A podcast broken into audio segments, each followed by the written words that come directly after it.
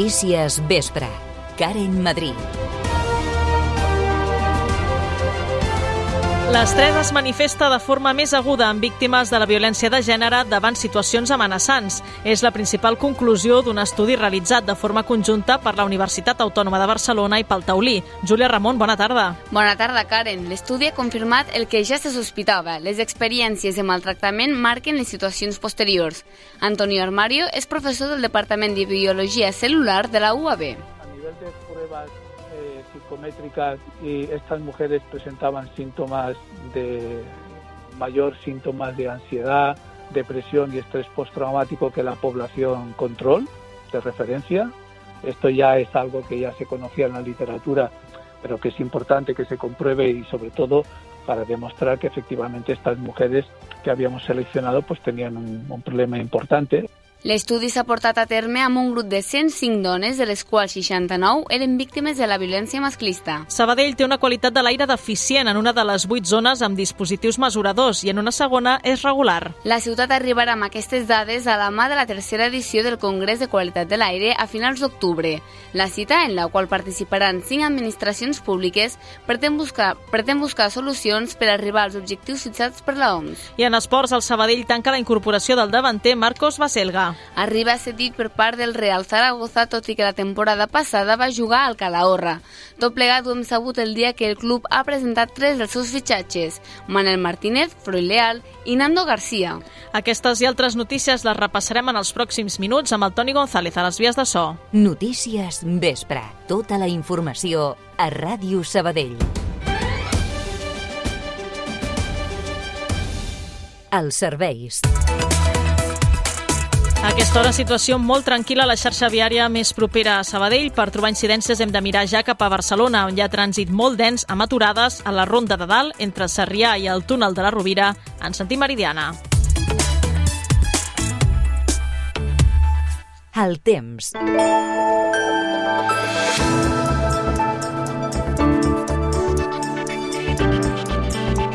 Les temperatures segueixen pujant, ara mateix 31 graus a Sabadell, 2 graus més que ahir a aquesta hora. Què hem d'esperar de cara a les pròximes hores? Podrem dormir? Li preguntem a l'Ariana Coromines. Bona tarda. Valent a hores d'ara a gran part de les comarques de Lleida amb molts valors clarament per damunt dels 35 i 36 graus, però també forta calorada la que es deixa sentir a l'interior de les Terres de l'Ebre, a les valls del Prepirineu i a la Catalunya central, uns termòmetres que aquesta tarda ja no s'hauran d'enfilar massa més del que ja ho han fet. En un dia plenament estiuenc i esplèndid i realment cal buscar l'ombra, ja ho diu el refrany, ni per l'agost ni pel gener no estiguis al sol sense barret. De cara al tard se t'enceran pinzellades de núvols alts i prims pel Segrià, la Terra Alta, el Baix i el Montsià que enterboliran una mica el cel de les comarques de Tarragona amb algunes ventades que a mitjanit i matinades deixaran sentir entre la Terra Alta i el Montsià amb alguna gotellada dispersa en aquest sector i vent que també ho farà amb ganes a l'Alt Pirineu i Aran i entre el Maresme i el Baix Empordà. La propera nit costarà una mica més de pair i en vista dijous els termòmetres arribaran al cim de la calorada amb valors per damunt dels 40 graus al Pla de Lleida i a l'interior de l'Ebre amb un sol mig esmorteït i pulsim saharià. Us anirem informant. Les víctimes de violència de gènere pateixen més estrès davant de situacions de possible amenaça.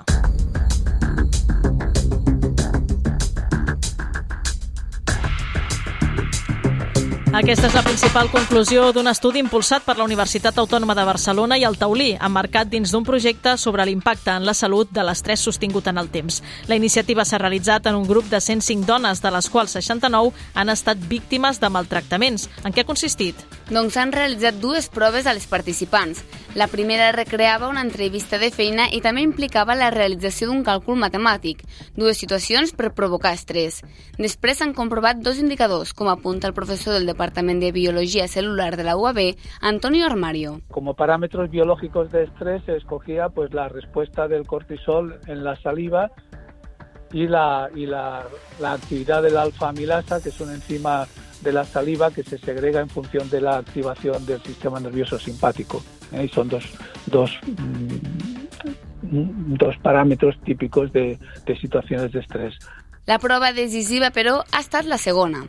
y una prueba que es muy importante en respecto a lo que se ha obtenido después, que es lo que se llama el sesgo cognitivo, que es la manera en que cuando te enfrentas a una situación que no te gusta, en este caso eran imágenes de personas eh, de personas que presentaban caras de, de, de amenaza, era cómo tú respondes a esas situaciones de amenaza Davant d'aquesta situació, es pot evitar la situació o prestar molta atenció a les cares amenaçadores.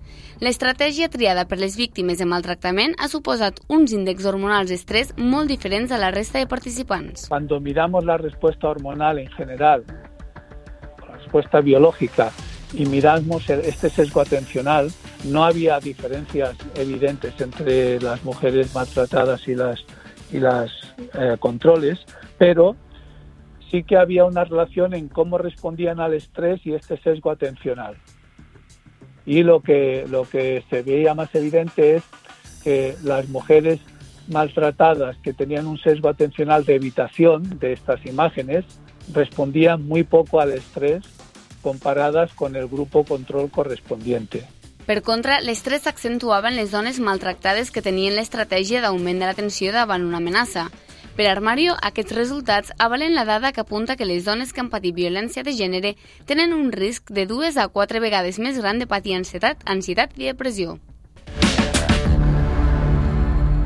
L'onada de calor que a partir d'avui ha d'enfilar els termòmetres apretarà de valent el bloc ocupat on viuen 27 famílies.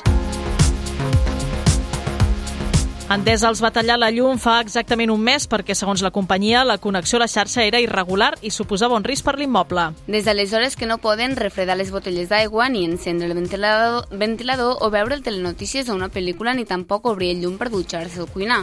En José és un dels veïns afectats que lamenta haver de viure en aquestes condicions en un país del primer món.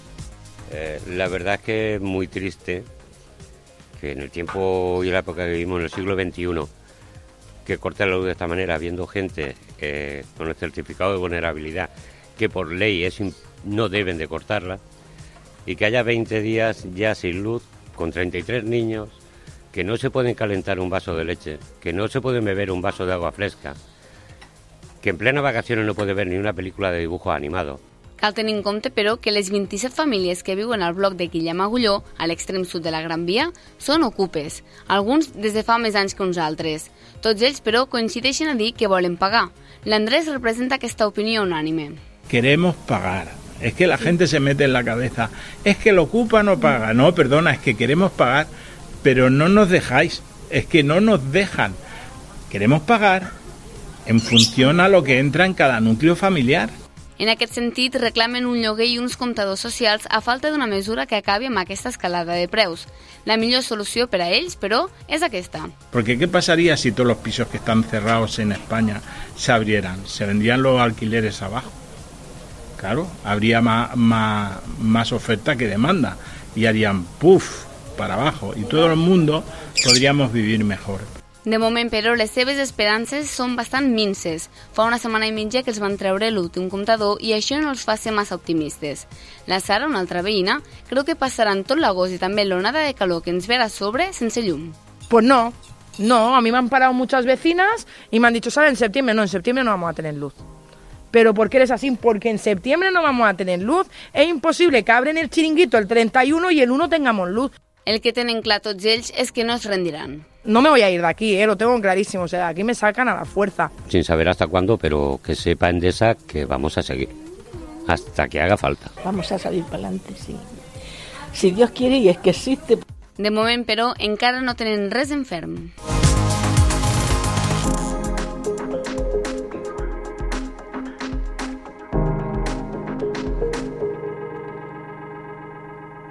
Us ho dèiem en titulars dels vuit sensors que mesuren la qualitat de l'aire en diferents punts de la ciutat. En sis és bona, en una regular i en l'última deficient. Amb la balança decantada cap al costat positiu, Sabadell serà la seu del tercer Congrés de la Qualitat de l'Aire a finals d'octubre. Aquests índexs es basen en sis indicadors que analitzen els nivells de nitrogen, de monòxid de carboni i d'ozó, per exemple. Al Centre Cívic de Can Rull, el de la Creu de Barberà, el de la Creu Alta, el de Sant Oleguer, a Camarcet i al Casal Pere IV, on hi ha quatre d'aquests sensors, és bona. En canvi, el que hi ha a l'entorn de l'Ajuntament és regular i el que hi ha en aquesta casa, a Ràdio Sabadell, és eficient. El Congrés que Sabadell acollirà l'últim cap de setmana d'octubre servirà, segons Eloi Cortés, el tinent d'alcaldessa de Serveis a les Persones, per millorar aquests resultats. És una gran oportunitat doncs, per avançar en aquestes polítiques, a més a més eh, poder-ho fer amb totes les administracions eh, implicades i per tant doncs, poder avançar en aquestes polítiques que al final que ens han de garantir que eh, l'aire de les nostres societats sigui més net, no? com una pota més eh, de les diferents polítiques que hem de fer per combatre eh, el canvi climàtic i garantir una transició ecològica doncs, que sigui sostenible i que sigui justa socialment. Concretament, en aquest Congrés de la Qualitat de l'Aire s'apel·laran les administracions de tots els rangs, des dels ajuntaments fins a la Generalitat, passant pel Consell Comarcal i la Diputació, per anar a una. Ho diu el mateix Cortés. Aquesta edició es vol fer èmfasi en les polítiques integrals en favor de la qualitat de l'aire, tant a escala global com eh, posant el focus en aquest eh, nivell local i supramunicipal on tenim eh, doncs, competències i eh, necessitat d'actuar a les diferents administracions i els diferents agents que ens hem aliat per organitzar aquesta tercera edició de fet, el Vallès Occidental, la nostra comarca, va ser la primera a disposar d'un pla per abordar la millora de la qualitat de l'aire. Així doncs, el Congrés serà un bon moment per fer balanç de la implementació del pla i per abordar la priorització d'accions a realitzar. Ràdio Sabadell. Notícies vespre. El curt Quiet del sabadellenc Héctor Romance no para d'acumular èxits. En l'última edició del Festival Infest, que s'ha celebrat aquest mes de juliol, el curtmetratge s'ha endut el guardó fora de pla. En declaracions a Ràdio Sabadell, Romance ha explicat que li fa molta il·lusió que Quiet, que es va estrenar ja fa molts mesos, segueixi rebent reconeixements allà on va. De fet, a part d'aquest fora del pla, el curtmetratge de terror ha estat seleccionat com a participant del Cerdanya Film Festival, un certamen que el pot portar directe als Premis Goya. En cas que guanyi el premi principal, Quiet entraria com a nominada pels Premis al cinema espanyol. Romance valora així tot el que li està passant. Il·lusió perquè és un projecte que, que neix fa tres, tres anys, vull dir que no és gens fàcil avui en dia aconseguir el finançament per un curtmetratge i executar-lo i després no, el que sempre dic que, el, que em fa més content de Quake que és que la idea que tenia original, escrita en paper, doncs que s'hagi pogut fer realitat, no? Romance es troba treballant ara mateix a Oscar, on està gravant un llargmetratge basat en la mateixa idea que Quiet. El diumenge i dilluns de la Festa Major de Sabadell 2023 continuarà la música a diferents indrets de la ciutat. Les actuacions en directe i els DJs sonaran no només als escenaris principals, sinó també als racons i les places que s'han decidit a programar-ho. Ho repassem tot seguit.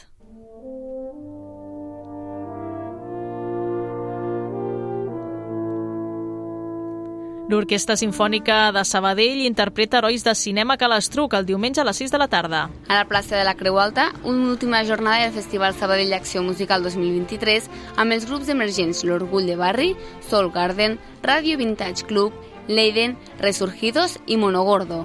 Al Sant Fest Electrònic del Templo, al carrer de Montlló i Pujal, Col, Evilom, Rebel Buni, Fractal, Naual i Giuseppi.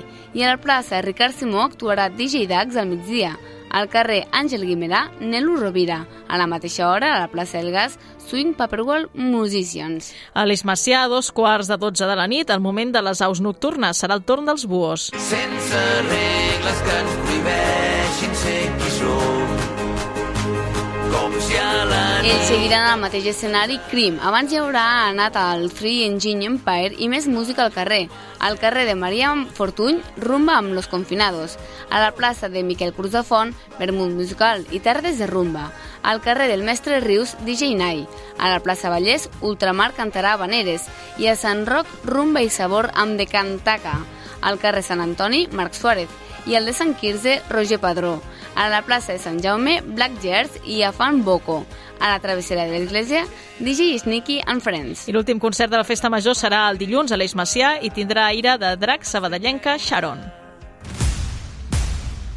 Mírate, siempre con excusas no lo quieres ver anirà seguit de l'orquestra Hotel Cochambre i abans a la plaça de Sant Roc s'haurà fet el concert de corals amb Estrella Daurada, Talia i els cantaires de Feu. A l'Avinguda Francesc Macià hi seran les Root Girl Club i a la plaça Ricard Simó actuarà DJ de la Carmela. Al carrer Àngel Guimerà, DJ Rodney Omar.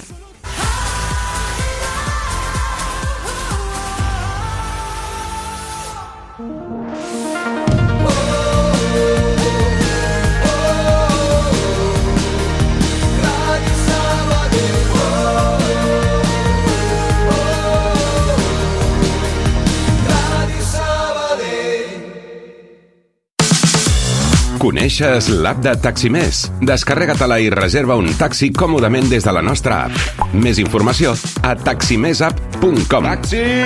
Ràdio Taxi Sabadell. El teu taxi de referència a Sabadell. Ràdio Sabadell. Notícies vespre. Fora de Sabadell i la comarca. La màxima alerta per sequera s'aplica a partir d'avui en 22 municipis de l'Alt Empordà i en dos del Baix Camp. Entre altres restriccions, els afectats hauran de limitar el consum d'aigua als 200 litres per habitant i dia. És la primera vegada que Catalunya decreta l'estat d'emergència previst en el Pla Especial per la sequera del 2020. Portbou no recuperarà la fibra òptica afectada per l'incendi fins dilluns que ve. Així ho han comunicat des de l'Ajuntament, que està treballant per aconseguir una solució provisional. L'afectació més gran la viuen els comerços amb sistemes de pagament dependents de la xarxa. En paral·lel, Endesa també ha de reparar la línia de mitja tensió de colera afectada per les flames que van calcinar 573 hectàrees entre els dos termes municipals. I un grup de turistes catalans han quedat atrapats a Etiòpia arran de l'esclat de violència entre milícies regionals i l'exèrcit a la regió de Mara. Malgrat poder fugir de la zona més directament afectada pels fets, encara no han pogut tornar i estan pendents de ser repatriats. En el grup hi ha 19 persones de l'Estat que van viatjar amb l'agència barcelonina Canaganga. Esports.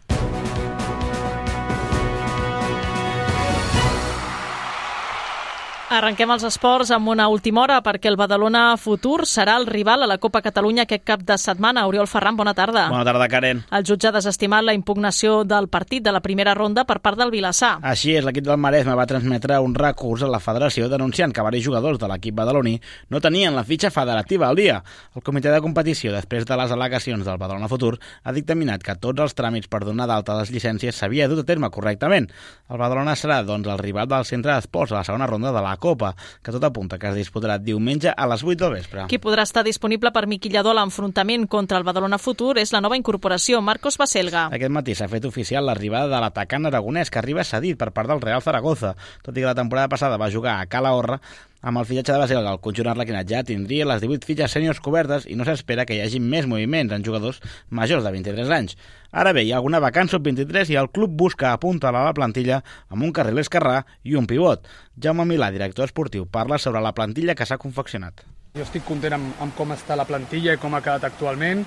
Eh, òbviament el mercat acaba el, el 31, per tant poden sorgir oportunitats. És veritat que les fitxes sèniors les tenim ja completades i, i queda alguna sub-23, ens queden un parell.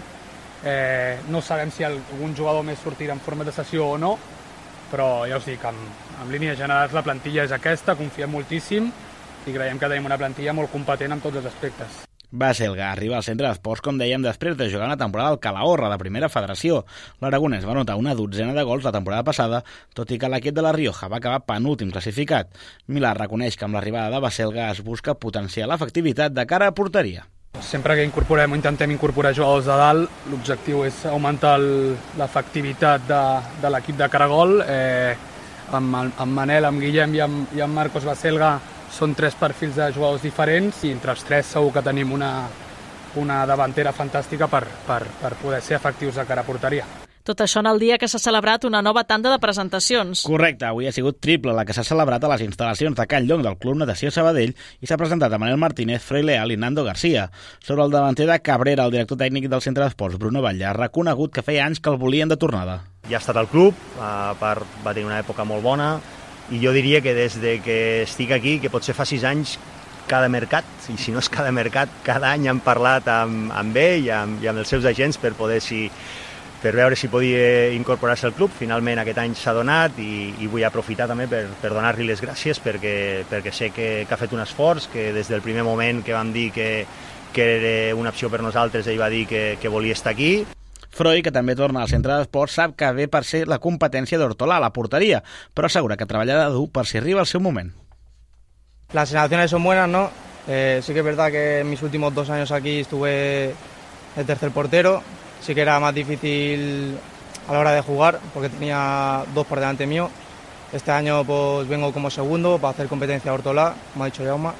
Es una muy buena competencia, creo que me va a ayudar también a mí a mejorar en muchos aspectos y nada, intentar cada día competir al máximo y dar lo mejor de mí por si algún día me toca jugar y, y demostrar que valgo. L'últim presentat avui, Nando García, explica que és un jugador versàtil que pot jugar a diferents posicions. Ayer me, me posicioné en, en el extremo izquierdo. Me siento cómodo, yo me siento cómodo en cualquiera de los dos extremos. He jugado bastantes partidos también de carrilero y alguna vez por detrás del punta, o sea que me, pod me podría encontrar cómodo en varias posiciones, pero mi posición preferida es extremo. Amb aquesta última tanda només faltarà Marcos Baselga per ser presentat. Precisament dos dels presentats avui, Nando García i Freud Leal, van debutar ahir al quart partit de la pretemporada contra l'Alarabi de Qatar. Un partit que va tenir un guió semblant al del cap de setmana a Tona. El centre d'esports es va avançar amb un gol de Biel Ferrés a la sortida d'un córner als primers compassos del partit, un gol que els catarians van poder neutralitzar el límit del descans i deixar l'1 a 1 al marcador, que ja no es va moure. El tècnic Miqui Lledó felicitava els seus jugadors per haver concedit poques oportunitats. L'equip ha treballat en bloc i, i, i pràcticament doncs, eh, no hem concedit eh, ocasions, en pilota hem estat dinàmics, eh, n'hem tingut eh, per marcar, eh, doncs, eh, si no les fiquem i, i, i malauradament no, seguim fent errades eh, a camp propi amb sortida de pilota, doncs eh, costa molt guanyar, guanyar els partits. Sens dubte, doncs això és el punt de millora i, i en això estem. Un dels convocats ahir, però que no va jugar, Seba Escoula, ha renovat aquesta tarda amb el Sabadell. El jove de 18 anys, natural de Burkina Faso, farà les funcions de tercer porter. Un apunt més del centre d'esports perquè el club ha anunciat el nou entrenador del juvenil B. Albert Milà serà l'encarregat de dirigir el filial juvenil de la Lliga Nacional. Milà, germana de, germà de l'actual director esportiu, va dirigir aquest últim any el cadet A, Arlequinat, amb el qual va assolir l'ascens a divisió d'honor. Repassem altres qüestions en forma més breu. La jove atleta de la JA, Sofia Santa Creu, es penja la medalla d'or a l'Europeu Sub-20. La marxista ha acabat a la primera posició a la prova dels 10.000 metres marxa al Campionat d'Europa de Jerusalem. A part, l'atleta ha aturat el cronòmetre en 45 minuts i 59 segons, batent el rècord d'Espanya sub-18. El seu entrenador de la JA, Sergio Ezquerro, assegura que Santa Creu no té sostre. Sostre? No, no té. Pensa, i de veritat, eh? Avui no ha anat al 100% avui a la carrera ha fet rècord d'Espanya, ha baixat de 46, però no ha anat 100%. Mm, Ja t'he dit que eh, hi ha entrenos que ha fet millor marca que avui. I estic molt... Què t'he dit? Estic molt gran perquè ha fet molt bé i ja t'he dit, no té sostre. Santa Creu, recordem, ja va ser notícia fa unes setmanes quan va batre el rècord d'Espanya sub-18 en els 5.000. En waterpolo, nova incorporació pel masculí del Stralpool. Es tracta del neerlandès Gus van Nichtperen, que arriba procedent del GZC Donk. Van Nichtperen, de 28 anys i amb una cinquantena de partits amb la selecció dels Països Baixos a l'esquena, arriba al club per suplir un altre dels jugadors que havia d'aterrar a Sabadell, Jack Erhardt, que tot i ser unes primeres incorporacions que es van anunciar, finalment no vindrà per, segons informen des del Natació Sabadell, problemes personals. I en ciclisme ha tret de sortida la Volta a Portugal amb la participació d'un sabadellenc. Raül Rota és un dels integrants de Ràdio Popular, prenent part de la 84a edició de la cursa portuguesa. Avui, al pròleg de 3,6 quilòmetres a Viseu, Rota ha acabat a la 18a posició, a 11 segons del guanyador, el basc Chomin Juaristi. També en ciclisme, David Domínguez ha acabat segon al 35è trofeu Castell de Milandes, a França. El guanyador ha sigut el seu company al Zamora Namora, Sergio Arias. Gràcies, Oriol. Bona tarda. Bona tarda.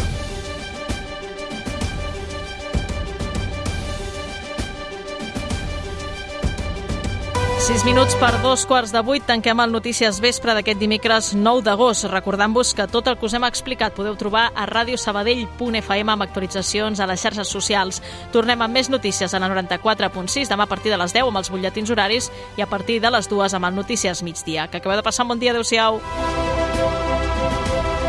Allà on siguis, escolta'ns online. En directe.radiosabadell.fm